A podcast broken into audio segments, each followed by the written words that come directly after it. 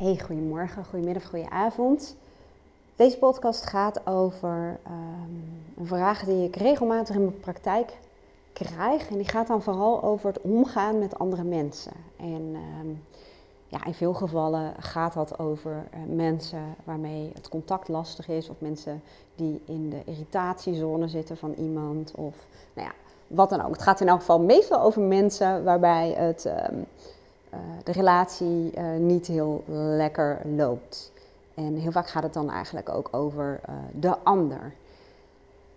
En nou zijn de mensen die bij mij komen eigenlijk allemaal mensen die heel erg bezig zijn met bewustzijn en ook met um, ja, hunzelf. En ze realiseren zich dat, ja, dat, dat je zelf verantwoordelijk bent en dat je natuurlijk de ander niet kan veranderen. Dat is alvast een heel fijn startpunt. Um, want inderdaad, je kunt de ander niet, uh, niet veranderen. Maar wat je wel kunt veranderen, is het patroon dat tussen jullie bestaat. Het, ze noemen dat soms het bindingspatroon of het interactiepatroon. En het doet er eigenlijk helemaal niet toe hoe het heet. Maar um, in de meeste uh, relaties en, en, of, of contacten, hoe je het ook wil noemen, hè, wat dat ook voor jou betekent, is er sprake van, van een bepaald patroon. En even heel kort, dat patroon vindt plaats op basis van verschillende kanten van jouw persoonlijkheid en die van de ander. Het is in weinig gevallen zo dat, we, um, dat de relaties die we hebben, dat die verlopen op basis van bewust contact. Even heel kort, um, waar ik heel veel mee werk is voice dialogue. Als je me een tijdje volgt, nou, dan is dat voor jou echt geen nieuwe term meer. Maar voor misschien nieuwe luisteraars heel kort, simplistisch uitgelegd wat deze methodiek inhoudt.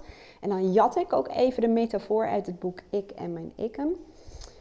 Daar zeggen ze, stel je voor dat iedereen een levensbus heeft. Weet je, als een grote stadsbus. En uh, in die bus zit jij achter het stuur. Ben jij de chauffeur van je eigen bus.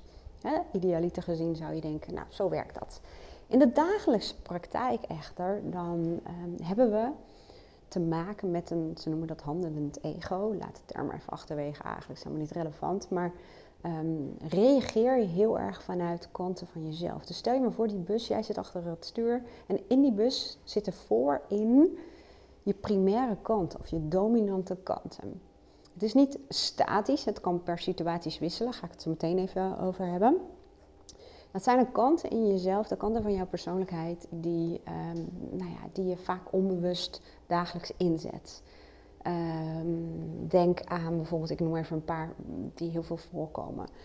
Uh, een hele gedreven kant, verantwoordelijke kant, zorgzame kant, pleaser, perfectionist, pusher die altijd maar door wil gaan. Um, een relaxte kant, een passieve kant, een onzekere kant, uh, noem het allemaal maar op. Het zijn, ik kan wel even doorgaan. Dat is natuurlijk bij elke persoonlijkheid wel weer anders. En je hebt ook, dat noemen ze verstoten delen als het gaat om deze methodiek. En die zitten wat meer achter in je bus. En dat zijn vaak de kanten in jezelf die je vaak in de jeugd al verstoten hebt, die er niet van jou mogen zijn. Die zijn bijvoorbeeld afgewezen of ze zijn op de een of andere manier niet functioneel geweest. Want stel je voor, al deze kanten hebben een soort van functie, een beschermingsmechanisme. En uh, je persoonlijkheid is gewoon ontstaan op basis van ervaringen. uiteraard heel veel in de jeugd, maar ook later. Hè, de, persoonlijkheid kan ook echt wel in ontwikkeling zijn. En je ziet vaak dat um, primaire kanten gaan heel vaak aan het stuur zitten. En dan heb je het gevoel dat je ook niet echt meer regie hebt over je emoties. Hè? Want dat vertaalt zich vaak in emoties, die kanten.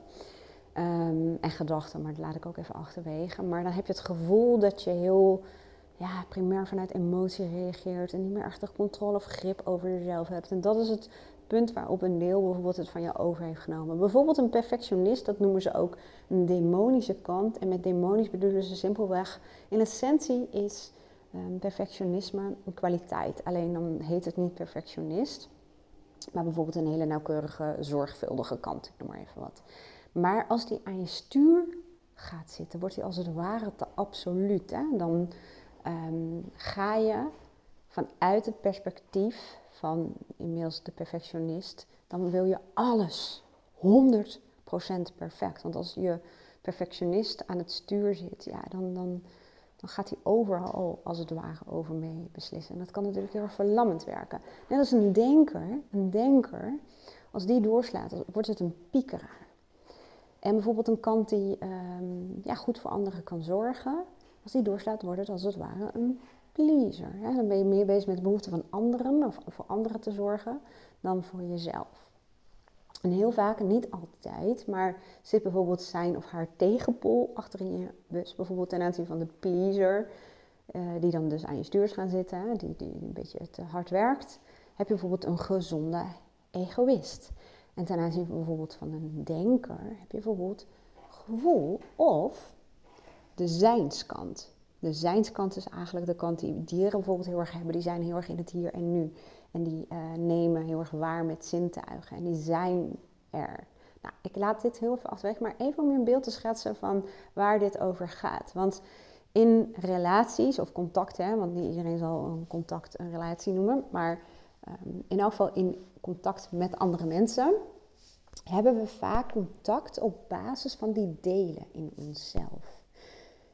En vaak zijn dat bepaalde patronen. Bijvoorbeeld, um, ik werk ook wel regelmatig met kernkwadranten. Het gaat over, over kwaliteiten. En kwaliteiten hangen ook weer heel erg samen met uh, die kanten van jezelf. Nou, en vaak zie je dat um, bepaalde kanten van iemand anders kunnen in jouw allergie zitten. Bijvoorbeeld, ik had het heel erg met um, klagen en zeuren en, en oordelen.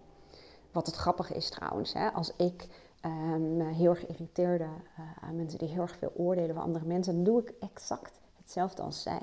Alleen het onderwerp is anders. Dat was voor mij wel even een inzicht. Ik dacht, ja, ik kan oordelen over die persoon die heel erg oordeelt. Maar dat, dan, dan, ja, nogmaals, mijn gedrag is exact hetzelfde. Maar goed, dat zei ik volgens mij al een keer. Um, en kijk, laten we even dat klagen uh, nemen. Ik, wat ik voorheen als bindingspatroon of een bepaalde strategie had, dat is onbewuste strategie als iemand bijvoorbeeld heel erg aan het klagen was of heel erg de negatieve dingen zag van iemand, dan werd in mijn bus als het ware een kant getriggerd die graag alle voordelen liet zien. Of juist probeerde iemand op een positieve pad te zetten. En daar ging ik heel hard voor werken. En dan krijg je een soort van spel ze zeggen ook vaak, hoe meer ik dan op de baten ga zitten van iets, hoe meer de ander de kosten gaat benadrukken. Dus dan kom je in zo'n soort van samenspel. En dat is een patroon. En dat kan heel erg irriteren. Ik werd er soms moedeloos van. Dat ik echt dacht, ja, nu weet ik het ook niet meer. En heel vaak was daar ook een, een, een deel van mij actief die graag dingen oploste. Met name ook voor andere mensen. En ik ging daar over de streep doordat ik mezelf als het ware verantwoordelijk of medeverantwoordelijk maakte voor iemands probleem. Dus daardoor ging ik heel hard werken. En um, ja, deed ik dat met een bepaalde drive. Alleen dan zie je dat dat patroon, die strategie die ik toen onbewust hanteerde, was totaal dysfunctioneel. Want natuurlijk ehm, lukt het soms wel, alleen het was heel hard werken. En ik kreeg iemands mindset niet per se veranderd. En dit gaat dan niet over klanten, maar dit gaat dan vaak over uh, mensen op je werk of in je omgeving. Hè? Want, want klanten vragen erom om geholpen te worden. Dus dat is een heel andere verhouding, om het zo te zeggen. Nou, anyway, dan zie je dus dat dat patroon wat ik toen had met mensen, vond plaats vanuit één of meerdere delen van mij.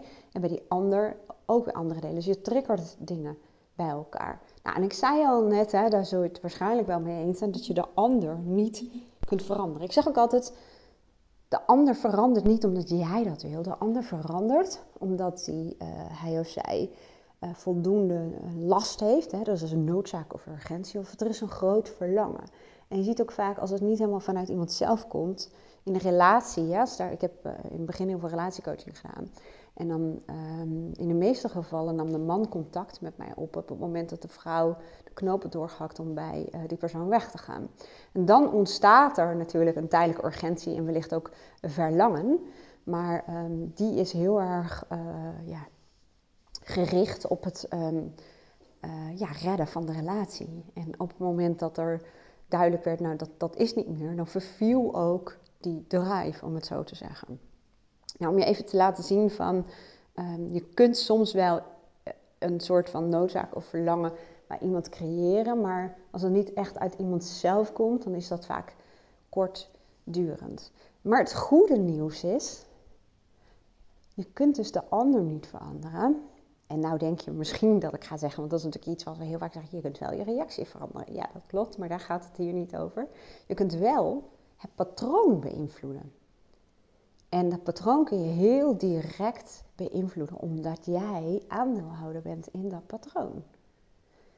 En dat is het mooie, want je kunt een patroon verstoren, functioneel verstoren. En het belangrijkste daarvoor is iets wat ik uh, nou ja, echt heel vaak deel, ook in mijn podcast en ook heel erg veel mee werk in mijn uh, coaching. Je moet wel een visie hebben. En een visie is natuurlijk wel best wel weer een containerbegrip. Een visie um, hoeft niet te gaan over je toekomstvisie, hè? hoe jij ideale leven voor je ziet. Nou, ik eh, ben zeker wel voorstander om dat wel te hebben. Um, en ook niet als rigide beeld, hè? Want een plan eh, of een visie moet dienend, ja, moet eigenlijk een plan vloeit voort uit de visie. Maar ik bedoel, het moet wel dienend zijn. Het moet niet rigide zijn dat je jezelf helemaal vastzet. Maar goed, dat even terzijde. Maar een visie kan ook gaan over jouw visie over die betreffende relatie. Eén ehm, zin vind ik heel erg geweldig, komt ook uit een boek, uh, Geweldloze Communicatie. En dat is, ehm, wil je gelijk of wil je geluk? Ik vind die persoonlijk heel erg verhelderend.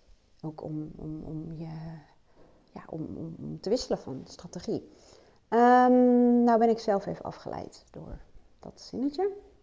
Want dan gebeurt er van alles in mijn hoofd en moet ik op dat moment even bepalen, is het relevant voor jou om naar te luisteren of niet? Dus dat gebeurt ook in mijn hoofd. Uh, even terug naar uh, waar ik het wel wist.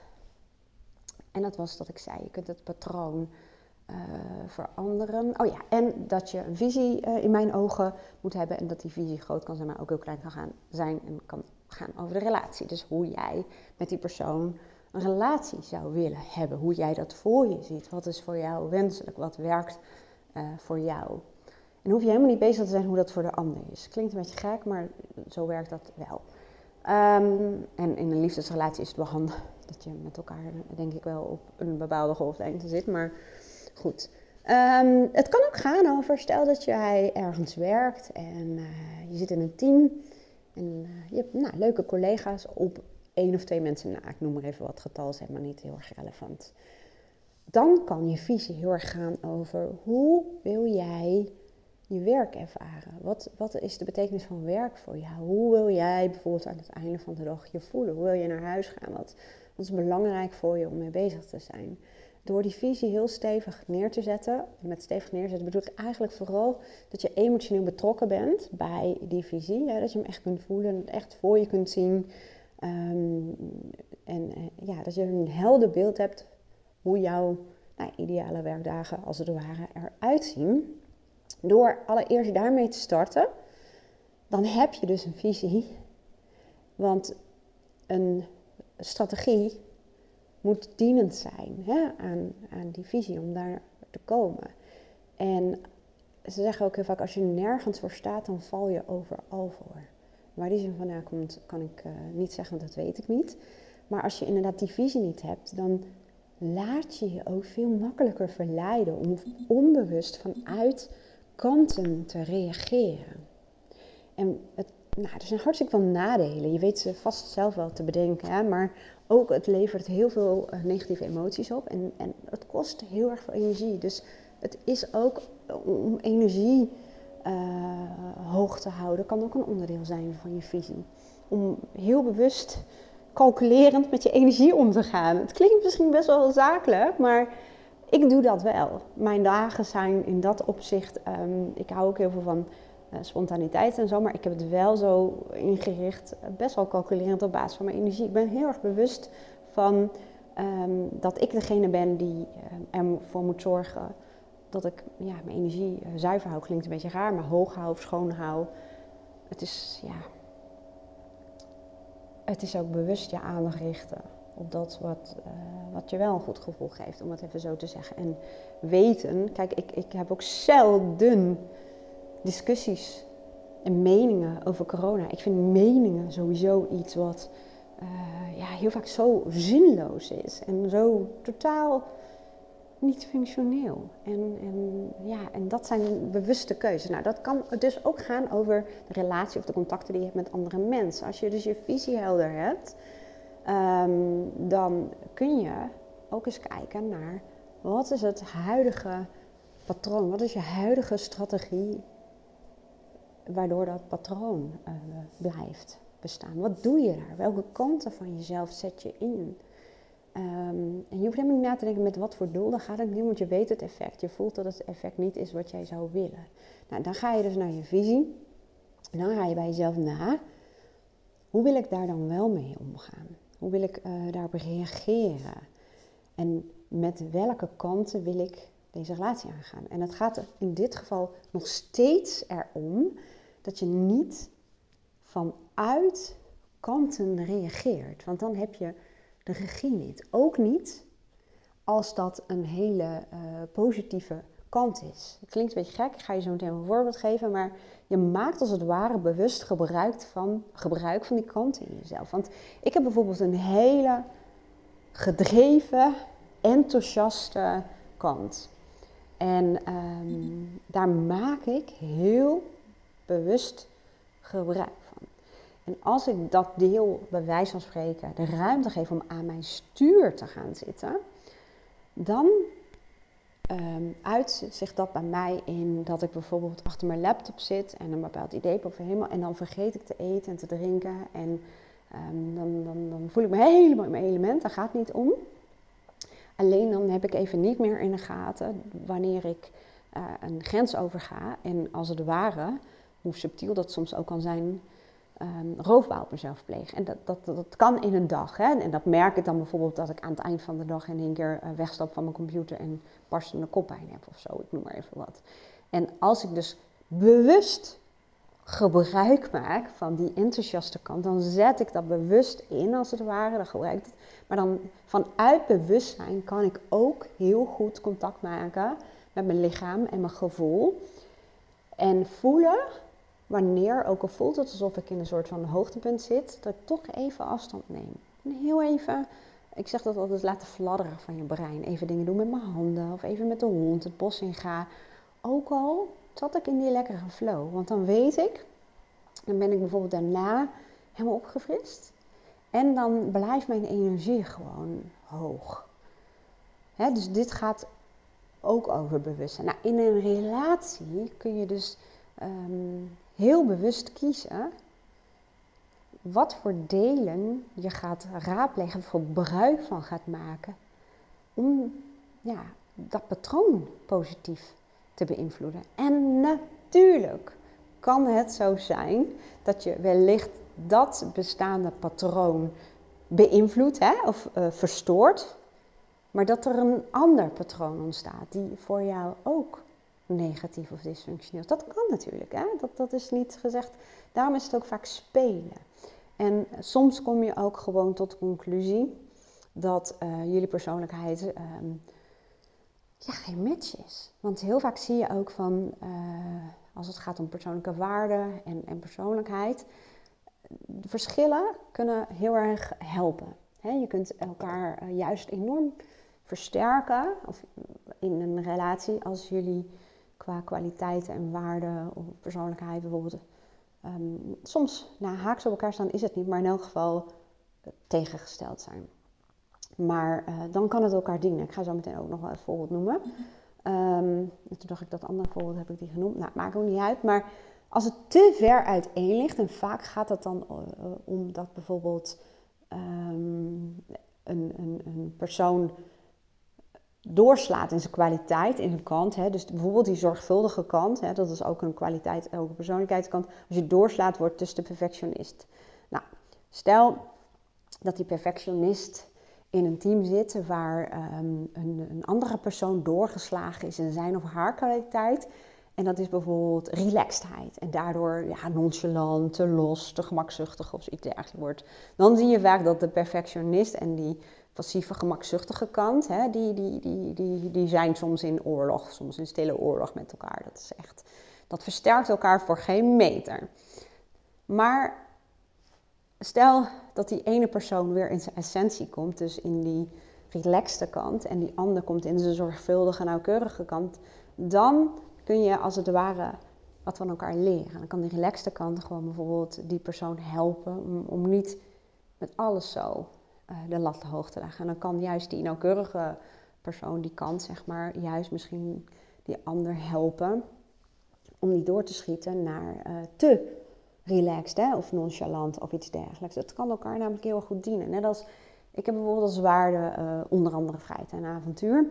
En Aaron heeft bijvoorbeeld zekerheid. En dat, dat dient elkaar heel erg. Want voordat ik hem leerde kennen, ik had, ja, ik was, ja, hoe moet ik het zeggen, chaotisch denk ik. Nou, dat denk ik niet, dat weet ik zeker. Maar ik, um, ik had te weinig structuur. Terwijl uh, ik had daar ook een allergie eigenlijk op. Terwijl ik wist toen nog niet dat dat echt mijn basis eigenlijk is. En dat het me juist heel erg ging helpen. En juist door Aaron, want wij, Lisa en ik, die hadden heel veel mensen te eten. Of we waren bij iemand aan het eten. En ik, heel veel dingen stonden niet vast. En dat is op zich ook niet zo erg. Maar ik sloeg daarin door. En dat is gewoon niet goed. Niet voor mij en ook niet voor mijn dochter. Uh, maar ik wist toen nog niet beter. Nou, toen kwam Aaron. En Aaron is juist wel meer van de structuur. En die kan daar ook in doorslaan. Maar wij hielden elkaar in een, ja het klinkt een beetje gek, maar in een gezond ego. Ik leerde van hem eigenlijk. Ik weet nog wel dat Lisa, mijn dochter, op een gegeven moment zei: Mam, wij lijken wel een echt gezin. We zijn elke avond op hetzelfde, of tenminste ongeveer op hetzelfde tijd aan het eten. dacht ik, oh my god. Oh my god. Want ik merkte dat ze daar heel erg goed op, uh, hoe zeg je dat, gedijden. nou ja, je snapt wat ik bedoel. En ik ook. In het begin zat ik heel erg in mijn, in mijn rebelse kant. Hè. En um, dan, dan, hij, we kookten zeg maar om de beurten, een beetje later in de fase zeg maar. En uh, dan zei hij, zou jij dan uh, op vrijdag, dan ben ik eerder thuis met Luc en dan vind ik het fijn om zo en zo laten eten. En dan ging ik heel rebels, dat elke keer niet doen. Sorry, maar dat deed ik. En dat was gewoon verzet in mij. En um, nou, dat, dat is gestabiliseerd gelukkig, want je ziet als ik daarin was gebleven, ja dan ja, dan, dan uh, weet ik niet hoe het was met onze relatie. Maar uh, in elk geval niet zoals het nu is. Maar ik merkte dat ik heel erg veel van hem kon leren. En hij zei ook dat hij heel veel van mij kon leren. Door juist die spontaniteit van mij en uh, de basis, hè, structuur en routines en dergelijke, wat hij eigenlijk mij spiegelde en leerde. Want ik, ik heb dat ook dus blijkbaar heel erg in me. Alleen die kanten zaten achter in mijn bus met duct tape en tie rips vastgebonden. Terwijl ze zo ongelooflijk mijn leven zouden uh, verbeteren. Dus dan kun je heel erg in een relatie van elkaar leren. Dus dat is misschien een volgende stap die ik met je wil delen. Want uh, je kunt dus een patroon, hè, een, een, patroon in, in jullie contact en relatie beïnvloeden en zelfs dus veranderen. Door naar je huidige onbewuste strategie te kijken en te gaan spelen met nieuwe uh, strategieën. En gewoon te kijken wat er dan in verandert. Maar blijf in dat opzicht ook altijd, ik noem dat dan verbonden met je visie. Want dan kun je ook goed beoordelen of iets voor jou werkt of niet. Um, tweede wat je zou kunnen doen, is wat ik net eigenlijk deelde over uh, Aaron en mij. Um, en dat geldt voor heel veel meer personen, is jezelf realiseren dat in veel gevallen het gedrag van de ander waar jij een allergie, voor hebt of irritatie bij voelt, heel vaak iets is wat jij niet van jezelf mag. dus dan hebben we het over een verstoten deel. En door jezelf vragen te gaan stellen, waarom reageer ik zo? Wat in mij reageert hierop? Wat kan ik van die persoon leren? Wat doet diegene wellicht iets te veel? Hè? Wat ik wel wat meer zou mogen doen. Want vaak ontmoet je elkaar als het gaat om irritatie en allergie. Dus um, omdat je allebei doorschoten bent in een bepaalde kant en uh, uh, kwaliteit. En op het moment dat je realiseert dat die irritatie, ja, sorry, het klinkt nu heel erg uh, cliché, maar over jou gaat, heb je ook meteen besloten dat je dus regie hebt. En invloed. En dat, dat vinden de mensen, mensen fijn. Je bent niet overgeleverd aan een persoon. je bent niet machteloos. Um, stel jezelf vragen. Wat laat diegene me zien? Of wat spiegelt die? De vraag die je kunt stellen. Bij de een werkt die vraag, bij de ander werkt die vraag. Ik, ik, denk altijd, wat kan ik van die persoon leren? Of wat heeft die persoon in mijn ogen hè, iets te veel? Wat, ik misschien te weinig heb. dat. Mm, ja, ik probeer even voorbeelden te halen. Ik weet nog wel dat ik een keer een, een, een, echt een enorme aversie voelde bij iemand die heel erg bepalend was. En dingen gewoon uh, uh, zei als zijnde instructie die de ander moest uitvoeren. Heel, ja, echt heel bepalend. En ik echt zoiets van, dat zou die niet moeten doen, zullen we maar zeggen. En door bij mezelf na te gaan van, wat laat die ander zien? Hè? Wat, waardoor ik getriggerd word. Er wordt gewoon een deel in mij getriggerd die wellicht vond um, dat ik wel wat meer mocht bepalen. En niet zozeer voor de ander, maar dit gaat ook vaak over bepalend zijn um, voor jezelf. Want degene die heel bepalend en stellig is, die, die neemt de ruimte in. En die, die bepaalt in, in die zin dus eigenlijk ook voor zichzelf. Um, en er zijn altijd in dat patroon, hè, eh, iemand die daarin meegaat, geeft dus te veel ruimte daaraan. En um, dat is, dat, ja, voor mij werkt dat heel goed. Om, om ook te realiseren dat relaties hè, met, met iedereen waarmee je contact hebt, zijn altijd um, ja, leermeesters, zijn altijd spiegels. Eh, je kunt, in een relatie leer je vaak heel veel. En dat kan in zakelijke relaties zijn, privérelaties. Uh, dat kan zelfs een, kort moment in de supermarkt uh, zijn. En ik vind het, ik vind persoonlijk altijd heel gaaf. Ik ben ook altijd heel erg gedreven om ja, mezelf te blijven ontwikkelen. Niet met uh, het uitgangspunt dat ik vind dat ik niet goed genoeg ben, maar puur uit, ja, het is een drang, een soort van, ik vind het gewoon leuk. Ik vind het gewoon, het voelt als potentieel. En potentieel is voor mij um, steeds beter omdat ik het leuk vind. Gewoon puur, ik had net vanmorgen met een klant over, niet omdat je daar nou een doel achter hebt zitten. Omdat het nu niet goed is en je wil naar iets wat beter is. Nee, puur om het proces. Puur om er steeds maar achter te komen dat er elke dag um, iets leren is. Dat elke dag uh, kun je weer anders naar zaken kijken. Ja, potentieel, dat woord blijft heel erg bij mij hangen. Ik vind dat, daar kan ik echt van door dak gaan. Nou, dan moet ik trouwens wel hoog gaan hier, maar goed, maakt niet uit. Um, en, en, en ook dat relaties, uh, dat je daar heel erg veel uit kunt halen. Ook als um, ja, ofwel het niet botert, ofwel je voelt negatieve emoties. En dat heeft ook te maken met waarde, heeft ook te maken met persoonlijkheid, uh, heeft ook te maken met uh, de wijze waarop je brein werkt. Maar ja, ik vind dat, dat blijf ik gewoon echt heel erg kicken vinden, om het zo te zeggen. En misschien jij ook wel, want anders zou je wellicht helemaal niet luisteren naar mijn uh, podcast. Nou, ik hoop en of dat je hier iets aan hebt. En nu ga ik toch heel even reclame maken, dus je mag me stopzetten als je wil.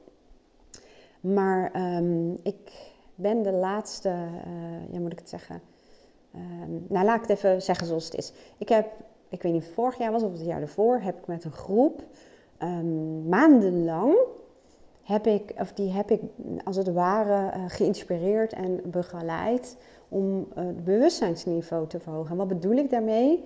Elke dag ontvingen zij van mij een uh, WhatsApp spraakbericht. soms een kleine video, korte berichten, dus niet van die lange podcasts zoals deze. Um, en dat, is, dat ging over verschillende onderwerpen. Dus er zitten patronen in waardoor je zonder dat je iets hoeft te doen, je bewustzijn ja, meer aanzet en ja, ik zeg het altijd verhoogt. En ik kan je wel wat voorbeelden geven. Het gaat heel erg over mindset, hè, over bewustzijn, over um, hoe je denkt, je denkpatronen. Het gaat heel erg over inderdaad uh, ja, visie. Wat is je visie eigenlijk? Hoe kijk je naar zaken? En hoe zijn dan je denkpatronen? En hoe kun je je eigen denkpatronen veranderen? Want uh, veranderen gaat, um, ja, hoe moet ik het zeggen? Ik zeg altijd, ja, ik ben het even kwijt, eh, stations, maar laat ik het zo zeggen, het gaat in bepaalde fases. En een van de fases, de eerste, meestal niet altijd zo, maar zijn je gedachten. De wijze waarop je uh, betekenis geeft aan feiten. Hè, dus je zienswijze, je paradigma, je beeld van de wereld, van jezelf, noem het allemaal maar op. En vanuit die bepaalde gedachten, als je op een bepaalde manier denkt, je gedachten veroorzaken bepaalde gevoelens en emoties.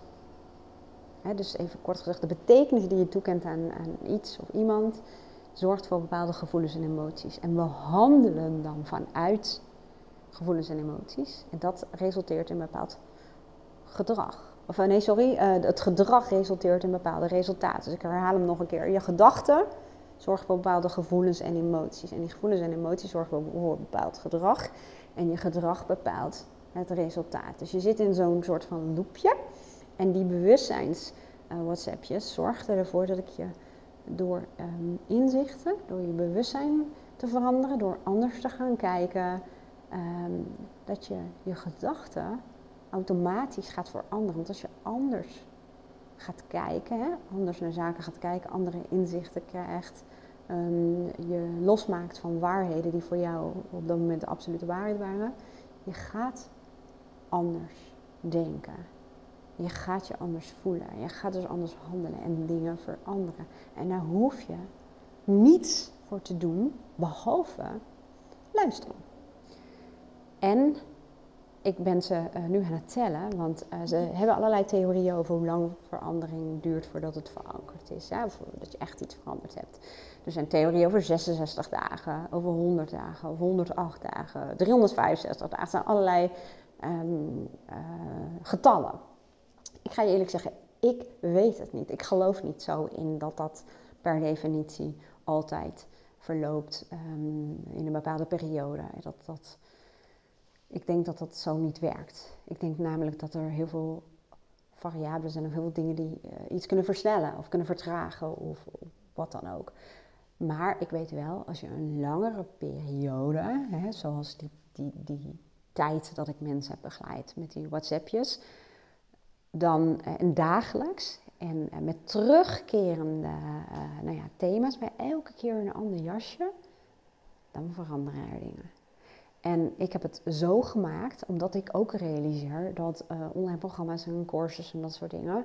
Heel veel mensen vinden het heel erg leuk, maar heel veel mensen voelen zich ook rot dat ze iets hebben gekocht en dat ze het maar voor de helft hebben gedaan. Of dat het, ze het nog niet hebben gedaan, omdat het doen, de opdracht te doen, um, ja, dat, dat, dat, kost voor heel veel mensen veel tijd en energie. En niet iedereen kan zich daartoe motiveren. Maar wat we massaal wel doen, is het luisteren naar podcasts of kijken naar YouTube's of wat dan ook, of lezen.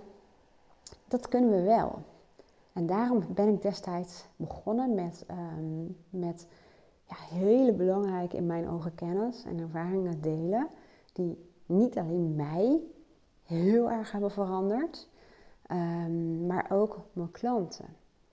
Hè? En dat heb ik dus in die vorm gedaan en ik heb het zodanig gedaan dat voor de mensen die wel graag echt aan de slag gaan, dat ik daar een, een nou ja, ik noem het oefening, maar eigenlijk is dat gewoon een buzzwoord, want dat, dat ja, is ook weer een containerbegrip. Maar heb ik uitgelegd hoe je hiermee kunt werken, hoe je dingen kunt doen. Dus er zit wat kleine oefeningen en opdrachten bij, maar die hoef je niet te doen om je bewustzijn te verhogen. En nogmaals, als je bewustzijn verandert, zullen we maar zeggen, verander jij ook.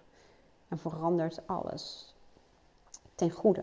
Als je tenminste inderdaad ook een visie hebt. Maar ik help je dus ook in heel kleine stapjes om die visie te ontwikkelen. En zodanig dat je dat ja, als het ware automatisch gaat doen. Je gaat gewoon, ik zet je gewoon als het ware aan. Waardoor je in je dagelijks leven, in je dagelijkse ervaring puzzelstukjes gaat uh, verzamelen die jouw visie zullen worden. Zonder dat je pen en papier nodig hebt, zonder dat je hoeft te werken, zonder dat je oefeningen hoeft te doen en dat soort dingen. Maar het kan dus wel. Ik heb dat allemaal omgezet in mijn academy. En dat wil zeggen dat ehm, als je je aanmeldt, uh, dat kan nu nog niet trouwens, want ik heb de aanmeldpagina nog uh, niet klaar. Als je dat wel wilt, zou ik zeggen, app of mail me even. Dan, uh, dan je even meer informatie. zit je ook niet aan vast, maar dan kun je nou wel even weten waar het over gaat en dat soort dingen. Um, maar ik heb het in mijn Academy gezet en het voordeel daarvan is dus dat je dan dagelijks even een berichtje via e-mail krijgt, niet via WhatsApp, want in mijn beleving, ja, dat werkt toe wel, maar het is wel verstorend. Iedereen krijgt zoveel appjes en je mailbox is toch net even wat anders. Maar krijg je een reminder, kun je daar meteen uh, luisteren. En het mooie vind ik van mijn Academy, en uh, dat zullen de meeste Academies wel hebben, is dat je uh, een vinkje, een groen vinkje kunt zetten. Een groen bolletje is dat met een vinkje erin. En je kunt bijvoorbeeld zeggen, nou, dit, deze, um, uh, uh, dit, dit spraakbericht, hè, deze les, of hoe je het ook wil noemen, is voor mij helder. En de oefening hoef ik niet te doen, of die, ga, die, die, die heb ik gedaan. En dan klik je op het vinkje en dan wordt het een groen bolletje met een vinkje. De spraakberichten, de les waarvan je denkt, dit is interessant, die wil ik nog een keertje horen. Of hier is een oefening in en ik heb nu geen zin om dat te doen. Maar misschien later wel, die laat je dan open. Dus je kunt gewoon zien wat staat open, wat wil je nog een keer luisteren of waar zit misschien een oefening in die je graag wil doen. Dus je houdt zo ook heel makkelijk overzicht. Je hebt echt het gevoel dat je dus uh, bij bent, dat je dus niet achterloopt. Want op het moment dat je je aanmeldt, dan is het gewoon voor altijd van jou. En als je graag podcasts luistert, dat doe je dus al, dan zal dit je waarschijnlijk ook bevallen. Nou, nogmaals, ik zeg het even nu heel. Dit, dit komt in me op omdat ik bezig ben met die uh, podcast over die patronen. En in één keer moet ik hier aan denken. Maar uh, je kunt je helemaal nog niet inschrijven, want ik heb die aanmeldpagina nog niet klaar. Dus. Maar als je zegt van, ik ben wel geïnteresseerd, ik denk, hé, hey, dit klinkt wel leuk. Ik zet hieronder wel even mijn contactgegevens. Um, mail me, app me, dat je op de hoogte gehouden wilt worden. Want dan tegen de tijd dat je kunt aanmelden, stuur ik je gewoon even die link en dan kun je het even nalezen en beslissen of het wat voor jou is of niet. Nou, einde reclameblok. Nee. Dus nee, dit komt ook voort uit uh, het feit dat ik gisteren met Rachel Verhagen, zij is echt mijn mastermind buddy, en uh, wij el elke maandagmorgen dan, uh, dan coachen we elkaar als het ware. En we hadden gisteren een hele lange Zoom-sessie met elkaar. En ze zei ook, ja weet je, jij hebt met behulp van tools en kennis en methodiek heb jij je eigen leven heel erg veranderd. En ben je waar je nu bent. En ben je wie je nu bent. En um, ze zegt, ik hoor je zo vaak praten over je academy, maar ik weet het niet eens wat erin staat. Ik heb geen idee, want deelt het te weinig. Mensen hebben helemaal geen besef wat ze naast de één op één coaching en een paar vaste programma's bij je kunnen doen, hè, waar je ze mee kunt helpen en op welke manieren. Want je vertelt het gewoon te weinig. En dat is ook een deel van mij dat, um, ja, dat, dat een soort van ja, iets voelt, ik weet het, weerstand bij, um, bij, ja, bij het promoten niet per se, ja, misschien toch wel bij, bij het eindigen van een podcast met, met reclame. Dat voelt niet natuurlijk. En, en ik geloof daar persoonlijk nog steeds in hoor. Ik geloof ook als je echt met mij wil samenwerken, nou, dan vind je de weg wel naar mij. En dat blijkt met sowieso uh, de één op één coaching gewoon, dat dat inderdaad ook gewoon zo is. Um, dus dat. Maar ja, daar ben ik nog een beetje zoekende in. Van ja, ja, als jij niet weet wat ik allemaal aanbied, ja, dan, dan kun je ook niet heel erg veel. Dus nou, daar zul je bij mij nog ontwikkeling in uh, gaan zien. Ik ga ook afbreken, want het is 38 minuten, zijn we verder. Je bent misschien nu al uitgewandeld of uitgehardloopt, zullen we maar zeggen. Um, ja, ik verzin nog wat nieuwe Nederlandse woorden die grammaticaal niet kloppen. Nou, ik wens je een hele mooie dag. En eh, heel graag tot de volgende keer. En als het je beviel, als je er wat aan had, dan vind ik het natuurlijk leuk als je een review achterlaat. Of misschien deelt met mensen die er ook wat aan kunnen hebben. hey, dankjewel en tot gauw.